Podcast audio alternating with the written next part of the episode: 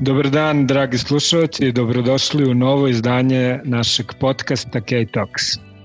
Iako je leto, iako je toplo, mi smo rešili da budemo aktivni i vredni i da organizujemo novo izdanje našeg podcasta u kojem ćemo da razgovaramo o nekim opuštenijim temama u odnosu na one na koje ste inače navikli.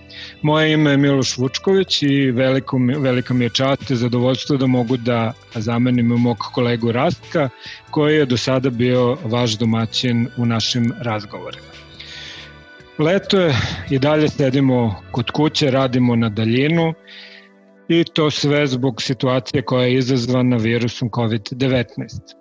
Vrlo je zanimljivo ovo leto, ne samo zbog te situacije, već i zbog toga što mi, veliki ljubitelji sporta, koji smo navikli da preko leta baš i nema nekih preteranih dešavanja, ovo leto nam je potpuno drugačije.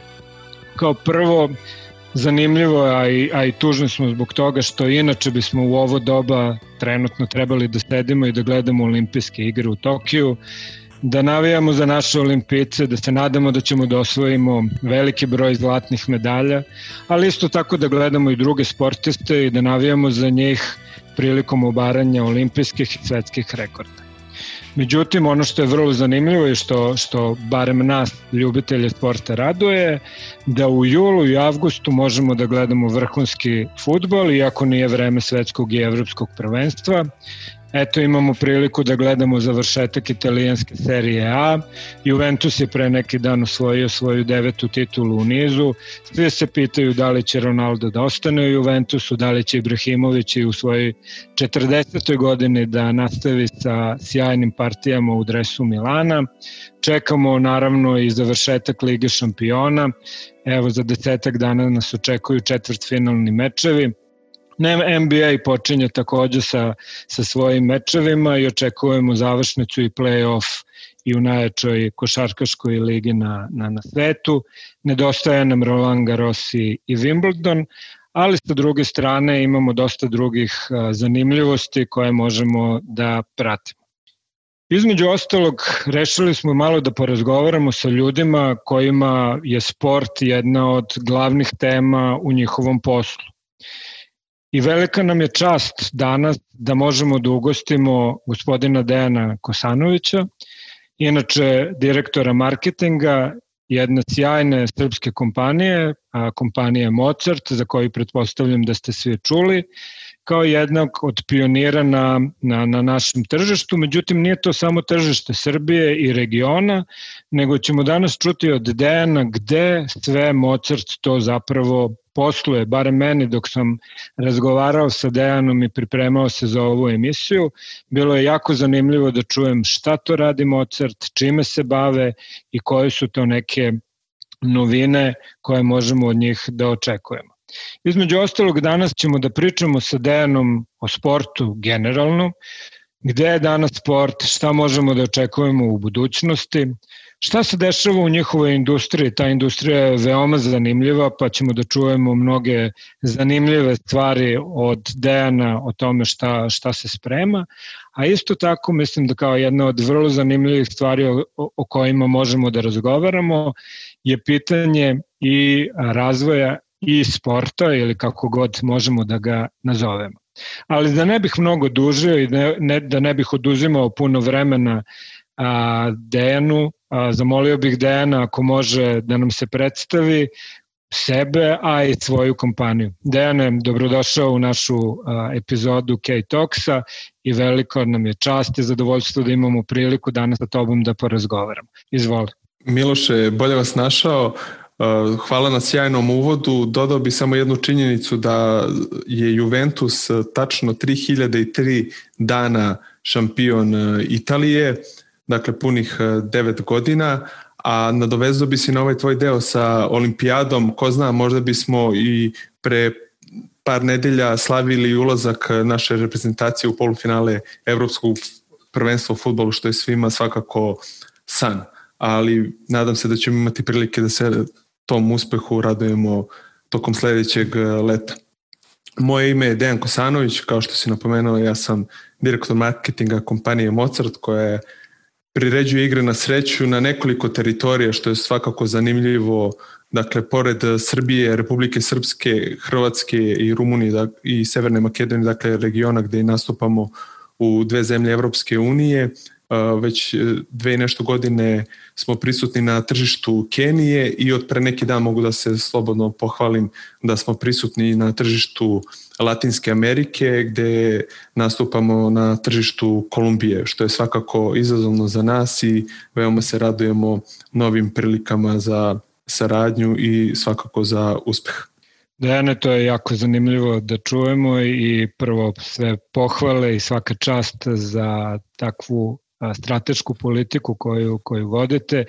Vrlo je zanimljivo čuti da jedna srpska kompanija ima takvo prisustvo ne samo ovde u regionu, već i na drugim kontinentima, tako da evo, mogu da kažem i da smo malo i ponosni na vas što možete da a, pružate svoje i usluge i da obavljate svoj posao i na drugim kontinentima. Nego Dejane, ovako za početak, možda kao uvod u ovaj naš razgovor, šta ima trenutno Šta se to dešava trenutno od sporta, a što je zanimljivo za vašu kompaniju? Svi znamo da je Mozart, pored svih stvari kojima se bavi, između ostalog jako bitan i za organizaciju, kako smo rekli, zvanično igara na, na, na sreću, je li tako? tako je. Ali onako popularnije poznato kao kladionice. Šta je to trenutno što se dešava, a što čini vašim klijentima život zanimljiv, koje su to sportske aktivnosti koje se posebno prate u ovom trenutku? Trenutno je popularno baraž za ulazak u Premier ligu, sinoć je baš Fulham pobedio 2-0 Cardiff i to bez Mitrovića, što, što je bilo neočekivano da Mitrović neće da nastupi, ili inače najbolji strelac čempionšipa i velika stvar za našeg reprezentativca. Za vikend treba da počne NBA, već se igraju pripremne utakmice, nadamo se da će početi i Srpska liga Srbije u futbalu i ono što si ti napomenuo od svi nestrpljivo očekujemo početak avgusta jer se igraju revanši osmine finala, a završnica zbog trenutne situacije će se po prvi put igrati u jednom gradu, u Lisabonu, e, tamo negdje, ja mislim, od 12. augusta. I veoma je zanimljivo, s obzirom na trenutne rezultate u Kalču, e, Atalanta kupi sve više simpatija uh, ljubitelja futbala i iako su trenutno Bayern i City glavni favoriti za osvajanje ušatog trofeja, mnogi od nas možda potajno priželjkuju da Atalanta kao možda trenutno kao jedan od outsidera će da osvoji i napravi veliko iznenađenje i evo čisto da, da povežem sa, sa našim biznisom, kvota na Bayern je 4,5 da će da osvoji Ligu šampiona, a na Atalantu čak 20. Tako da ko, ko voli nek izvoli. Da, da, Atalanta je definitivno jedna od najsimpatičnijih ekipa koje su se pojavile u poslednje vreme, tako da evo i ja sam među onima koji bi voleli da Atalanta ove godine iznenadi. Nažalost nije iznenadila Juventus, ali nadam se da će iznenaditi u Ligi šampiona. A... Tako je, baš zbog toga bi se nadovezao, jer e, s obzirom kad bi se pratili rezultati uh, nakon uh, nastavka prvenstva, Atalanta bi bila uh, prvak u osvojila bi Kalčo, tako da s obzirom da nakon nastavka svih ovih e, prvenstava Lige Petice, do duše Francuska liga se nije nastavila, mm -hmm. svi favoriti očekivano su osvojili titule, dakle nije bilo nekih prevelikih iznenađenja, tako da evo ljubitelji futbala verovatno poteno očekuju da se desi neko iznenađenje u sezoni kao što je Leicester osvojio pre nekoliko godina mm -hmm. titulu u Premier ligi, pa da se desi opet neko novo iznenađenje barem što se tiče Lige šampiona. Da, kada pričamo već o tom vrhunskom sportu, ajde u ovom trenutku futbolu, ali pomenuli smo i NBA, tu postoje još nekoliko sportova koji su vrlo zanimljivi na globalnom nivou, ali ono što me zanima, Da li i kako vidite dalje razvoj i promene u sportu? Evo, na primjer, ono o čemu sam razmišljao ovih dana, da sport se više a, ide u tom pravcu da se primenjuju nove tehnologije, da sad sa 5G mrežom, verovatno ćemo imati takvu priliku na stadionima da manje više na svojim mobilnim telefonima možemo da gledamo usporene snimke onoga što se dešava na terenu. Verovatno ćemo preko naših pametnih telefona biti povezani sa svim mogućim informacijama koje su inače do sada bile dostupne nekom manjem broju ljudi. Inače, baš skoro sam čitao jednu zanimljivost da prvi put se dešava da će svi klubovi škotske premier lige da omoguće kupovine virtualnih sezonskih karata, imajući u vidu ovu situaciju sa COVID-om, i da će zapravo ljudi u, u, u udobnosti svoga doma, u foteljama, moći da posmatraju utakmice svog omiljenog tima. Dejana, šta ti misliš o tome, ove, imajući u vidu da pretpostavljam da i tehnologija kod vas dosta bitna i pre svega možda i, i kada uzmemo u obzir da razvoj potrebe za, za što boljom bezbednošću na sportskim manifestacijama, što misliš gde sport ide? Koje su neki sledeći koraci koje nas očekuju u budućnosti?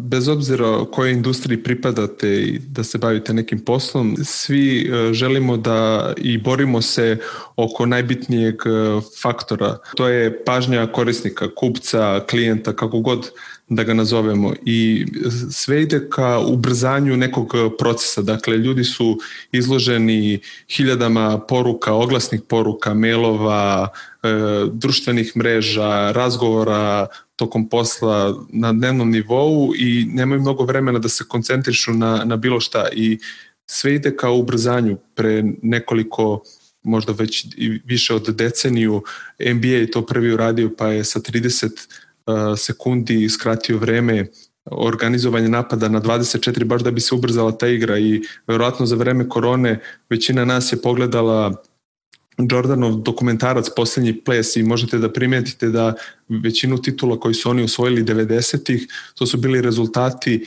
do 100 poena, a sad, iako slabije pratim NBA, koliko znam statistiku, na većini utakmica svaki tim postigne 110 preko 110 e, poena.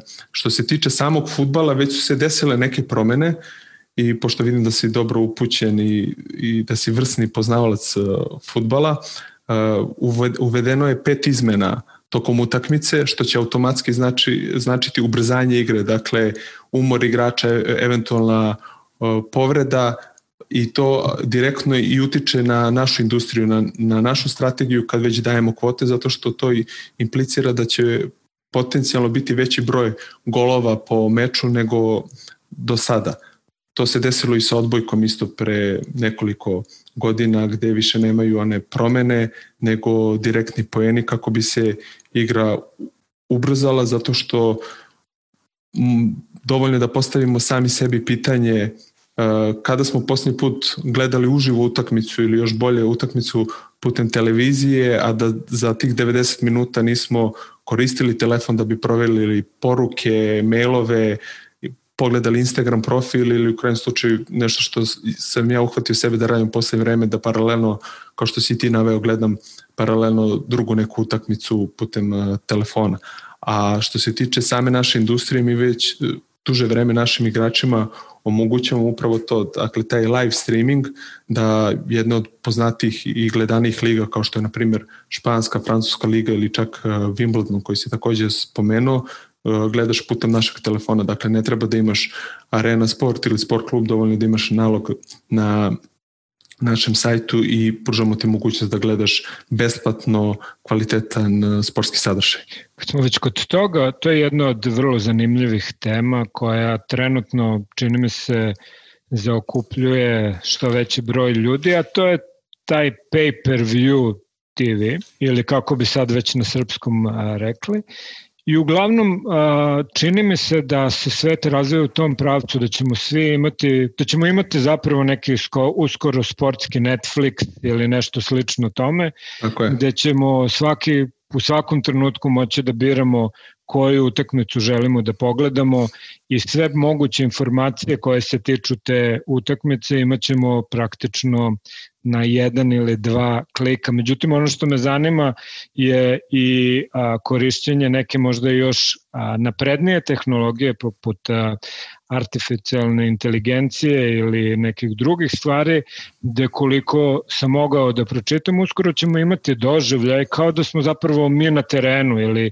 da smo u publici na stadionu, da, da čak i, i da mi možemo da učestvujemo iako sedimo kod kuće, gledamo TV, gledamo neku utakmicu, da i naš glas i naši povici, naše navijanje će moći da se čuje a, preko, preko takve tehnologije. Tako da, očigledno sve to odlazi u jednom vrlo zanimljivom pravcu, barem što se tiče sporta.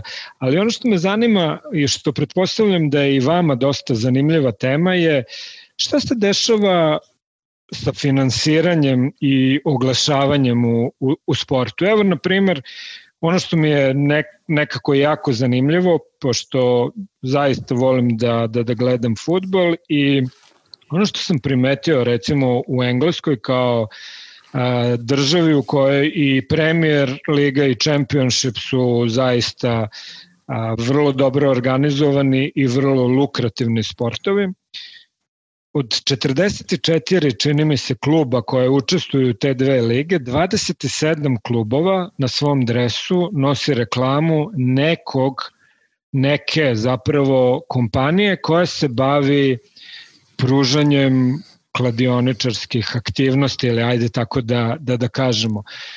O, čini mi se da u poslednjoj sezoni da je tipa 69 miliona funti plaćeno klubovima da bi se nosile reklame kladioničarskih kompanija na dresovima i da to već polako počinje da bude problem i da postoje već malo i neki pritisci na industriju da možda se zabrani neka takva vrsta oglašavanja. Što misliš o tome? U kom to pravcu ide? Pa prvo bi se nadovezao na početak e, tvoje konstatacije vezano za e, prenos utakmica.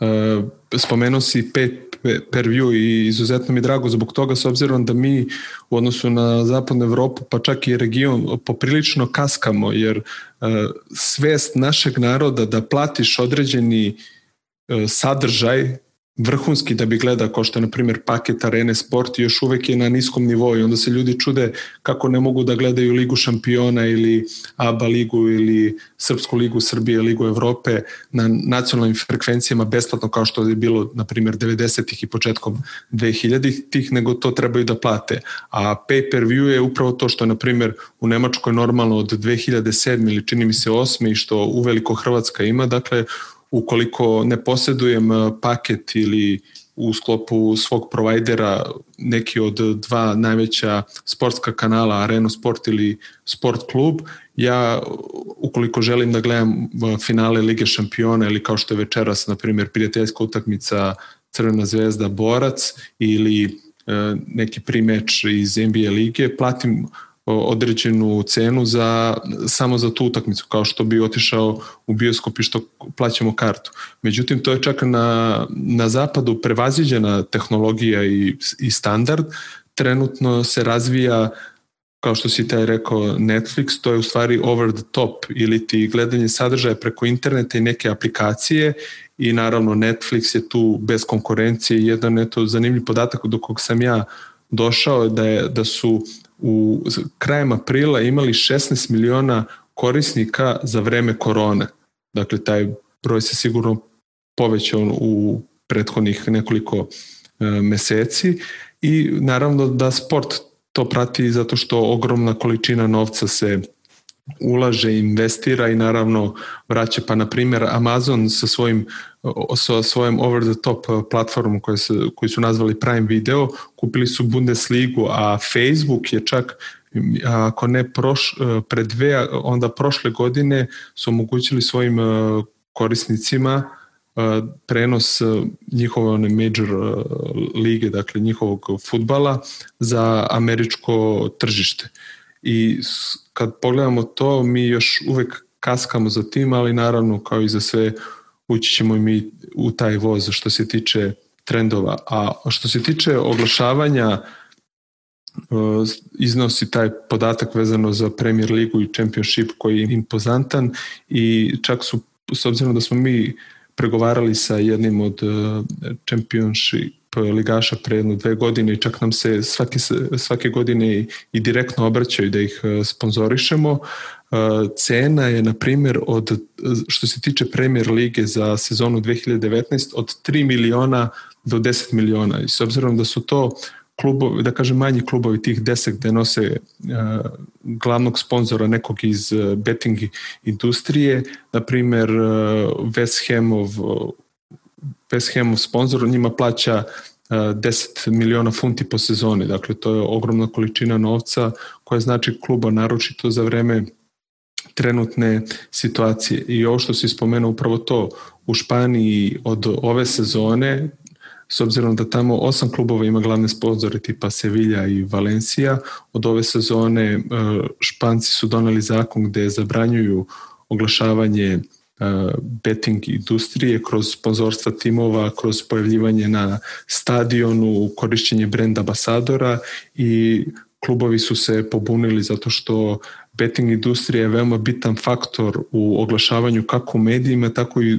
u sponzorisanju E, sportskih kolektiva. Konkretno, Mozart je sponsor najbitnijih e, sportskih institucija u Srbiji, Futbalski košarkaški savez Srbije, Futbalski klub Crvena zvezda i košarkaški klub Partizana. Partizan u Republici Srpskoj smo uh, ekskluzivni betting partner borca iz Banja Luke i zanimljivo da smo u Keniji sponzori uh, njihovog premijer ligaša, pošto njihova liga se isto zove premijer liga i veliki su fanatici za izvornom engleskom premier ligom, zove se klub e, Matari United, čiji je vlasnik Britanac koji je poznat inače po e, humanitarnom radu i zajedno sa njim pomažemo zajednici Kenije, pošto pored tog klasičnog oglašavanja mi sa svojim partnerima koje sam već spomenuo, nama je fokus se svodi na društveno odgovorne akcije sa njihovim igračima i na taj način širimo svest i pozivamo i druge kompanije da se priključe sličnim akcijama. Dene, hvala puno na, na ovom i mislim da je ovo odlična, odličan uvod za, za drugi deo našeg razgovora, a to je pitanje šta je novo u vašoj industriji? Kako je ova kriza trenutno uticala? Kako su se kompanije prilagodile, prilagodile? Da li su se prilagodile? Da li je tu bilo nekih problema? Kako je u Mozartu prošao ovaj period, evo sad već možemo da kažemo nekoliko meseci, znači krenuli smo od marta, evo ka kraj, negde kraj jula, početak avgusta, Šta ste vi radili umeđu vremenu? Kako ste se prilagodili i koje su neke novosti iz kompanije iz ovog perioda? Pa s obzirom da krajem marta e, stalo se sa svim e, sportskim dešavanjima i to je naravno negativno uticalo na našu industriju i na naše poslovanje, mi smo se fokusirali na društveno odgovorne akcije gde smo donirali, na primjer u Srbiji, 10 respiratora i ostalu potrebnu medicinsku opremu i trenutno imamo novu akciju gde smo našim medicinarima podelili preko 30 tona voća, dakle sve COVID bolnice širom Srbije su dobile određenu vrstu cateringa i na taj način smo hteli da pošaljemo poruku i našoj industriji i, i celoj privredi da sva, sve kompanije pozovemo da se solidarišu, pošto to, to ona čujena socijalistička reč koja je verovatno zaboravljena u kapitalizmu. Dakle, svi moramo da pokažemo solidarnost jednim prema drugima u ovako teškim vremenima i da damo primer, da pomognemo zajednici i onima stvarno kome pomoć u tom trenutku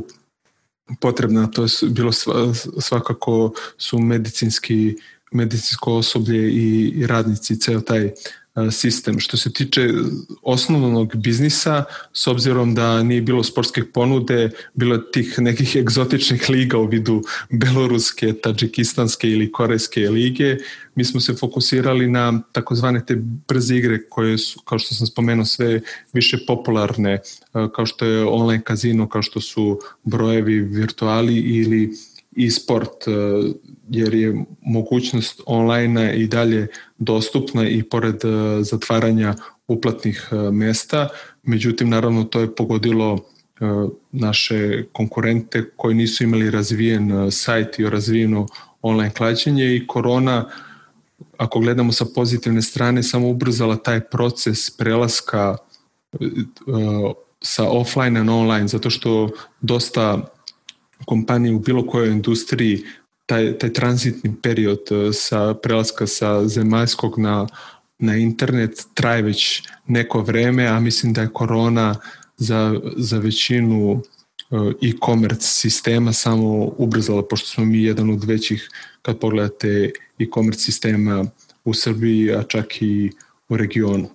I što se nas tiče konkretno, mi smo imali dve neke zanimljivosti. Mi smo organizovali zajedno sa sport klubom i sa poznatim sportistima All Star humanitarni turnir. Prvi je bio uh, lokalnog, dakle, nivo za Srbiju gde, su, gde smo imali učesnika tipa Luka Jović je igrao iz Beograda, Bleki Milenković je igrao iz uh, Firenci, Ivan Šaponjić iz Madrida i gde je sav fond, dakle svi uplaćeni tiketi su išli uh, za pomoć infektivnoj klinici, a onda zajedno sa, uh, sa drugim sportistima, kao što je na primjer Džanan Musa koji je igrao iz uh, Bruklina, Dakle, imali smo dve vremenske zone, organizovali smo regionalni turnir koji, gde se pomoć odnosila na uh, infektivne klinike u Beogradu i u Sarajevu. A pored svega toga, e, nudili smo, to bi možda tebi bilo zanimljivo, mogućnost simulacije utakmica koji su trebale da se igraju, dakle Premier Liga, Liga šampiona na osnovu određenih podataka i istorije tih mečeva i forme koja je bila do, na primjer, 20. marta, napravili smo simulaciju da se igraju ti mečevi i to je bilo veoma popularno kod naših igrača, naravno online. Bravo, svaka čast na, na, na tome, ali to me dovede do jednog pitanja koje moram da pitam. Iako možda nije ove, ovaj, najbolje pitanje, ali neko mora da mi odgovori to. Kako se prave kvote? To me uvek zanimalo. G gde magija nestaje? Gde, kako, nastaje. ko to radi, ko skuplja te informacije? Kako vi znate baš da je u svakom trenutku neko dao gol, da ste povredio, da je šutno tri puta. To mi je zaista deluje ovako kao da ima jako puno ljudi koji da, da je ve, ve, veče pred utakmice Cristiano Ronaldo izašao ovaj, u, da, u Torinski klub upravo, i zapio se. Upravo, upravo te stvari.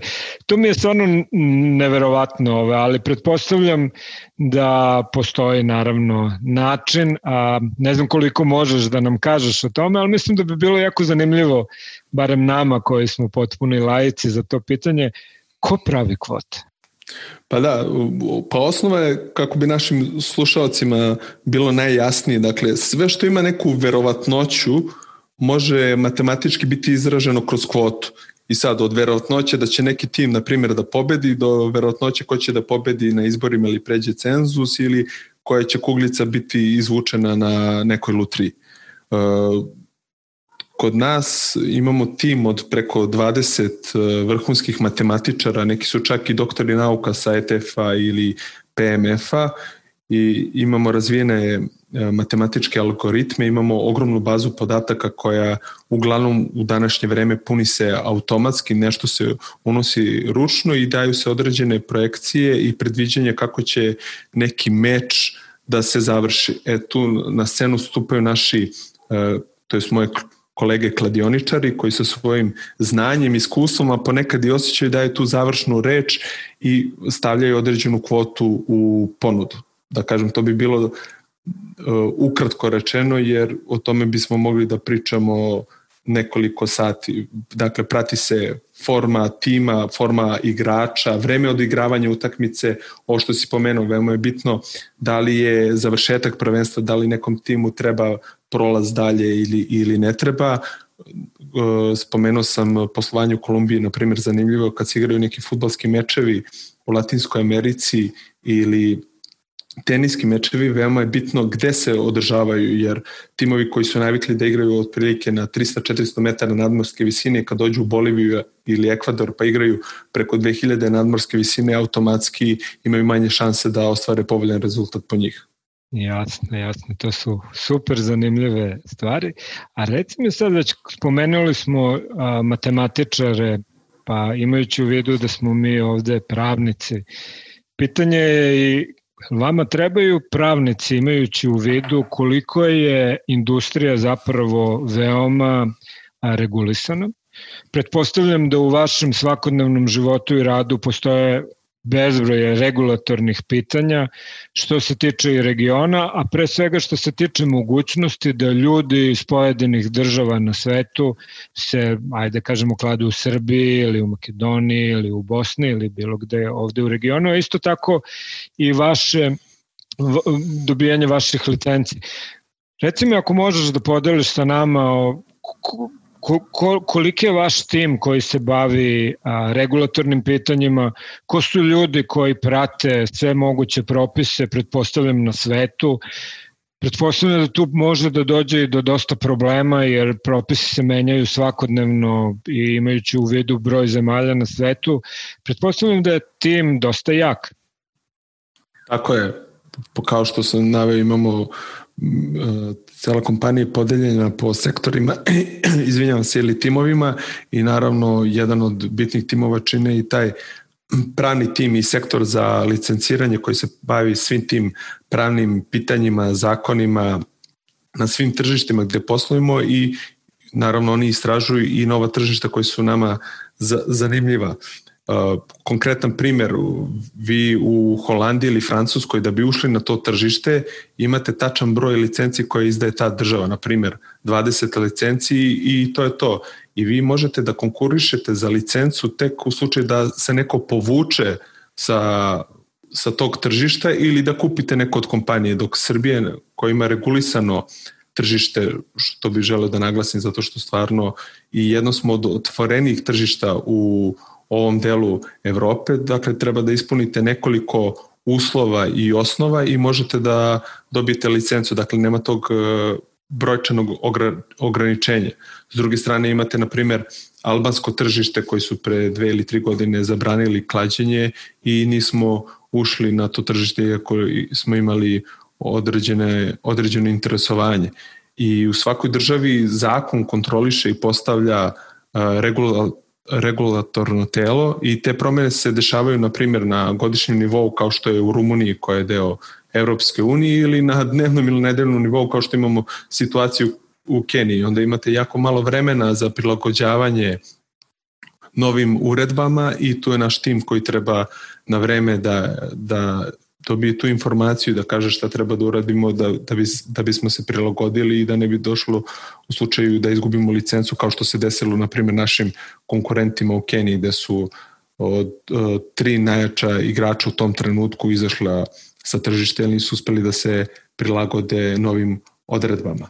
A veoma je zanimljivo, pošto kroz ceo naš razgovor provlači se naravno i situacija sa koronom, Severna Makedonija po novome, mm. uh, oni su jedna od redkih evropskih država gde nije dozvoljeno online klađenje, nego samo ovo zemaljsko, što mi zovemo preko poslovnice ili uplatnih mesta i s obzirom na novonastalu situaciju da je ogroman broj ljudi zaposlen u toj industriji ne samo direktno nego indirektno sa dobavljačima, sa partnerima, oni su vanredno doneli zakon u kratkom vremenskom periodu i dozvolili na određeni period online klađenje, što je za njih da to da se o tome pričalo u januaru ili februaru bio bi presedan yes. i dali su kratak rok da, da kompanije koje posluju na tom tržištu da se prilagode tom zakonu, da ispune određene uslove i zahvaljujući upravo tom, tom međunarodnom iskustvu i poslovanju i našem,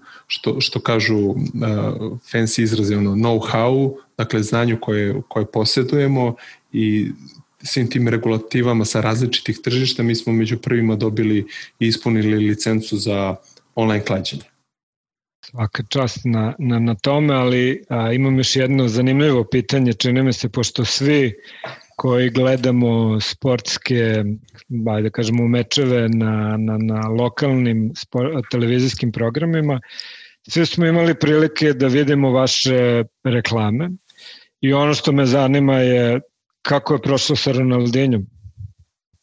Sa Ronaldinjom je bilo top, dakle to 24 časovno druženje s njim, pošto sam ja bio zadužen e, i bio njegov domaćin za vreme boravka u Beogradu, osim dok je, dok je spavao, to je jedno od najlepših iskustava u mom životu, naravno ne računajući moju svadbu, ali na, na, na poslovnom planu svakako možda i najveći uspeh i nadam se da ću imati prilike da, da ga nadmašim, da uspeti da, da dovedemo takvu osobu, dakle jednog od najboljih futbalera današnjice ikada da dođe u Beograd, da, da nije u pitanju utakmice Lige šampiona, Lige Evrope između Barcelone, Zvezde ili Partizana, to je stvarno neverovatno i, i ce, celo to druženje i sa njim i sa njegovim bratom Robertom je fantastično, naročito što smo mi za kratko vreme uspeli, pošto je Ronaldinho bio 24 sata i uspeli da snimimo i, rekla, i reklamu sa njim i da da izjave za, za nacionalnu televiziju i za vrlo kratko vreme smo postigli stvarno uspeh sa tom reklamom i sa njim kao našim brand ambasadorom gde, gde smo za, uspeli da proširimo, negde smo pojačali, negde smo podigli svest o našem brendu i svi mediji u regionu su preneli tu vest, tako da to stvarno jedan od uh, većih uspeha, barem što se tiče i kompanije Mozart i marketing tima. Svaka čast na, na, na tome i, i eto i reklame su dosta onako zanimljive, ali kad se spomenu brand i to a, šta sve vaš, poveća, povećanje svesti a, za postojanje vašeg brenda, šta, šta je sledeće? O, koje su neke nove tehnologije u klađenju? Jer sve više više vidimo da recimo kad sam gledao i vaš sajt, a i sajt ne, vaše konkurencije, da sve više nekih a, virtualnih sportova, neke dodatne aktivnosti, čuo sam da već postoji mogućnosti peer-to-peer -peer klađenja. Šta se tu dešava? Možeš na nama možda malo da, da, da podeliš neke novosti, šta se sprema novo, ne samo kod vas, nego generalno u industriji? Pa, upravo to, korona je ubrzala ceo taj proces i izbacila neke nove igre, kao što sam na, naveo simulacije na prave mečeve koji se zapravo nisu odigrali, a trebali da se odigraju. Imamo, ti si spomenuo peer-to-peer, -peer, kako bismo objasnili našim slušalcima, to je jedna specifična vrsta klađenja i postoje sajtovi isključivo za to. Dakle, konkretno kompanija Mozart nema to u ponudi.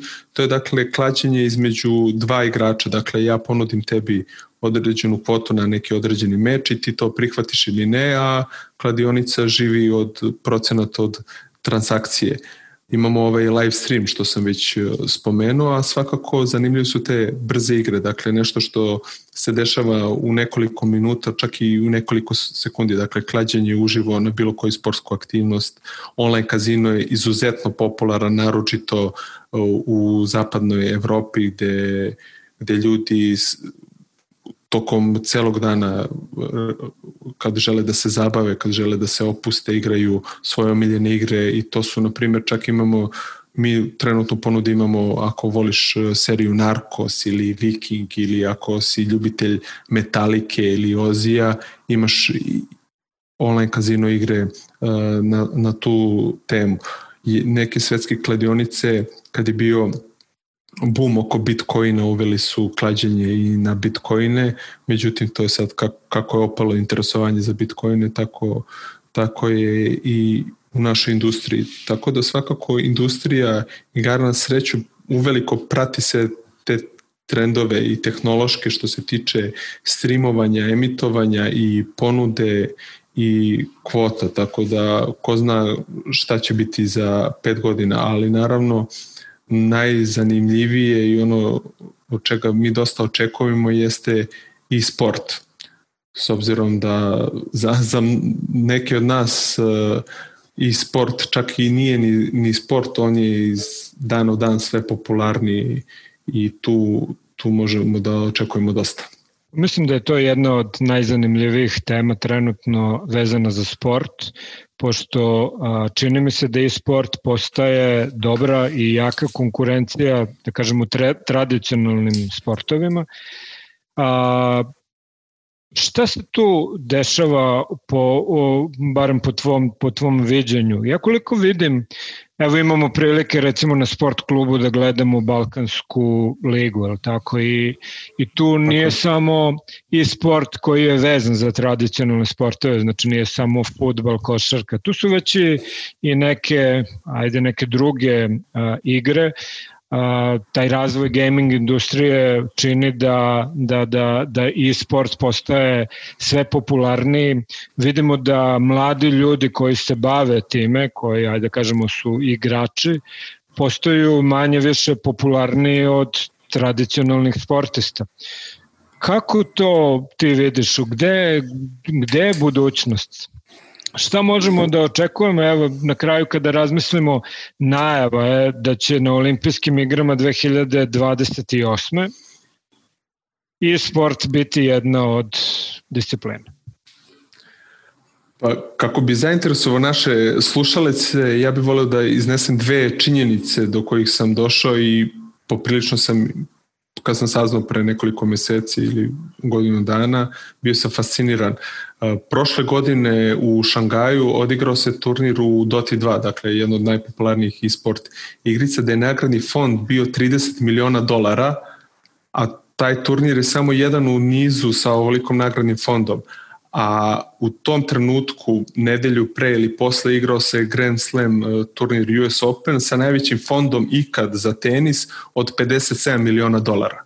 To, to dovoljno govori koliko je e-sport popularan i koliko raste. A druga činjenica jeste gledanost. 2015. na primer, e, u Češkoj jedan LOL turnir, to je neka druga igra, mm -hmm. gledalo je preko 35 miliona ljudi, dok je finale NBA te sezone 2015. gledalo tek 19,5 miliona ljudi. Da, to, to je zaista to zanimljive podaci. Upravo to. Što se tiče naše konkretne industrije, mi to vidimo s obzirom da svake godine nastupamo u sajmu u Londonu na najvećem sajmu gamblinga na svetu, popularni ICE, sve više izlagača predstavlja svoje e-sport proizvode i nudi usluge. Dakle, vi imate sad e, moje neko očekivanje da za jedno 5-6 godina konkretno za Srbiju kad generacija Z e, stasa, oni će preznati prvu postavu e-sport e, Partizana ili Zvezde nego futbolskog tima što verujem da je slučaj, na primjer, u Nemačkoj, pošto Šalke jedan od prvih uh, i boljih uh, e-sport uh, timova, ne računajući naravno ovaj osnovni, da kažem, futbalski klub. I mi smo naravno to kao kompanije prepoznali i prvi smo na našem tržištu ponudili uživo klađenje na e-sport i prenose e-sport duela, jer vi na Twitchu imate uh, kad je neki interesantan meč, kao što sam naveo, taj meč broji po nekoliko miliona ljudi. Te cifre su zaista impresivne. Ti si dao uh, dobar takođe uvod vezano za e-sport na olimpijadi. To se čak pričalo da se uvede kao sport i 2024. u Londonu, a velika verovatnoća je da će biti u Los Angelesu 2028. i sad se naravno raspravlja ove igre što sam ja naveo su ne sportske, ali ovaj e-sport sportski da bude, dakle futbal, košarka, koji su svakako najpopularniji. A reci mi Dejane, kako je situacija sa sportom u regionu?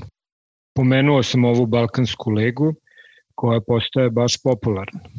Da, postoji Balkanska liga i, uh, i sport klub i arena sport su u svoju ponudu uveli baš i sport kanale, dakle nisu ono 1, 2, 3, nego baš mm. sport klub i sport i arena i sport i to dovoljno govori o medijskoj pokrivenosti i dakle sigurno postoje ljudi e, koji igraju koji su zainteresovani to, čak neki portali su u svoje sportske kategorije pored e, podkategorija futbal, tenis, košarka, ovo što je običajno uveli i sport i to dovoljno govori o o značaju. Naravno, oglašivači iz drugih industrija ulaze polako i sponzorišu ili emisije ili lige ili sport timove. Sportska društva, konkretno znam da Crvena zvezda je osnovala svoj e-sport i dovodi tako, u stvari jeste, dovodi strane igrače koji će da igraju za, za zvezdu i da učestvuju u tim regionalnim ligama. Znači, kao što je u futbolu, evo, vratio se Kanga danas u Crvenu zvezdu, tako da možemo da očekujemo i, i još nekog stranca u e-sport klubovima Crvene zvezde i, i, i Partizan. Da, ima jedna baš, uh, ima baš jedna anegdota za e-sport, pošto je to izuzetno popularno na istoku, dakle Kina, Južna Koreja i Japan, ulazi Ćale, južnokoreanac ko sina u sobi, mali ima 7 godina i vidi da igra igrice i pita ga, dobro sine, kad ćeš ti početi ozbiljno da se baviš tim i prestaneš da se zezaš. Ovu. Da, to se malo kosi sa a, zadatkom koji srpski roditelji imaju sa svojom tinejdžerskom decom. Da, svašta možemo da očekujemo od, od generacije C, ona će za par godina da, da budu donosioci odluka i možemo svašta da očekujemo. Naravno, sve više pozitivnih stvari što se toga tiče. Dejan, ja mislim da bismo mi mogli ovako u nedogled o, o raznoraznim sportskim temama. Kad smo već danas pomenuli Atalantu, evo da, da ti omogućim pa da, da ipak možeš da stigneš da pogledaš zanimljivu utakmicu sa Parmom. Jeste da nema neki a, rezultatski značaj, ali uvek je zanimljivo pogledati i Parmu i Atalantu. Pa bih te zamolio za tvoj zaključak Gde idemo, kako će to da bude, šta očekuješ ti lično i kakav će da bude marketing, kako će da bude razvoj marketinga u Mozartu u narednom periodu? Pa, lično očekujem e, da će biti sve više personalizacija što se tiče oglašivačkih poruka i obraćanja našim igračima i to je jedna to dobra stvar kad smo već iskritikovali kako zaostajemo sa regionom što se tiče određene TV tehnologije, tako smo i, i među prvima, baš je United Media koji su vlasnici SB, SBB-a uveli skoro na naše tržište vida, to je sistem koji omogućava targetirano TV oglašavanje, dakle to je, funkcioniše po sistemu Google, dakle kao što Google po nekim interesovanjima na osnovu sajtova naših kretanja i sadržaje koje konzumiramo na YouTube-u i na drugim sajtovima nama plasira uh, reklamne poruke koje su više namenjeni uh, nama, personalizovane su, tako će postoji ta mogućnost uh, i za TV oglašavanje, tako da to svakako nas, marketare, zaista raduje i upravo to, svi se borimo za tu pažnju, za tih 3 sekunde našeg igrača, korisnika, konzumenta, kako god želite da, da ih nazovemo i moramo da budemo originalni i moramo brzo da, da reagujemo da bi se u moru reklamnih poruka mi izdvojili da bi nas neko primetio ili zapazio. Dejan, hvala ti puno na tvom izvojenom vremenu. Tebi lično želim puno uspeha i sreće u tvojoj profesionalnoj karijeri i takođe želim i puno sreće i uspeha tvojoj kompaniji, da i dalje budete pioniri u vašoj industriji, da otvorite što više svojih, ajde ih nazovemo, filijala po svetu i na drugim kontinentima. I nadam se da ćemo imati ponovo priliku uskoro da razgovaramo a, o nekim novostima i o nekim novinama što se tiče i tehnologije i sporta i vaše industrije. Hvala ti puno na, na tvom gostovanju. Hvala vama puno na pozivu i pozdrav za sve slušalce. A, dragi slušalci, ovo je bio Dejan Kosanović, direktor marketinga kompanije Mozart. Ja se iskreno nadam da ste uživali i u ovom našem opuštenom razgovoru, barem onoliko koliko sam ja u istom uživao.